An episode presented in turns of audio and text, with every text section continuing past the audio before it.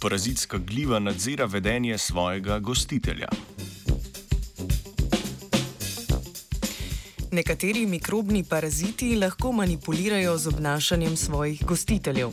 Primer je gliva Ophiocordyceps unilateralis, ki okužene mravlje iz plemena Camponotini prisili, da splezajo na drevesa in se zagrizejo v listje.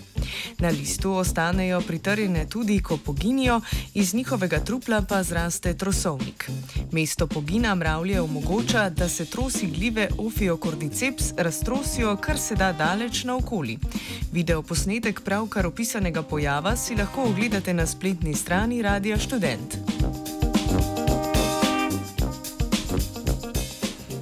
Ameriška raziskovalna skupina je želela ugotoviti, kje v telesu mravelj se nahajajo hife glive Ophiocordyceps. V laboratoriju so mravlje okužili s parazitsko glivo, na to pa so z uporabo več mikroskopskih tehnik posneli slike tkiva mravelj, ki so bile na stopni, ko gliva sproži grizanje v liste.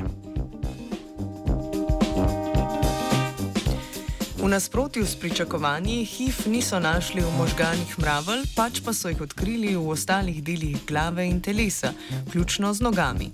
Slike, posnete z vrstičnim elektronskim mikroskopom, so sestavili v tridimenzionalni model. Na podlagi modela so videli, da hife tvorijo kompleksne tridimenzionalne strukture, ki ovijajo mišična vlakna mravelj. Nekatere hife so v neposrednem stiku z membrano mišičnih celic mravlje, druge pa so celo prodrle v celično notranjost. Hife glive Ohio Cordyceps so preko majhnih cevk, dolgih približno en mikrometer, povezane med seboj. Te cevke omogočajo prenos molekul med hifami. Zaradi neposrednega stika med hifami in celicami mravlje lahko molekule prehajajo tudi v slednje. S proizvodnjo določenih kemikalij bi lahko gliva vplivala na krčenje mišičnih vlaken in torej na gibanje mravlje. Da bomo razumeli, kako gliva nadzira vedenje mravlje, pa bodo potrebne nadaljne raziskave. Več raziskav o glivah si želi Angelika. You can use your cell phone radio student. Lose. Okay. You can lose yourself on radio student.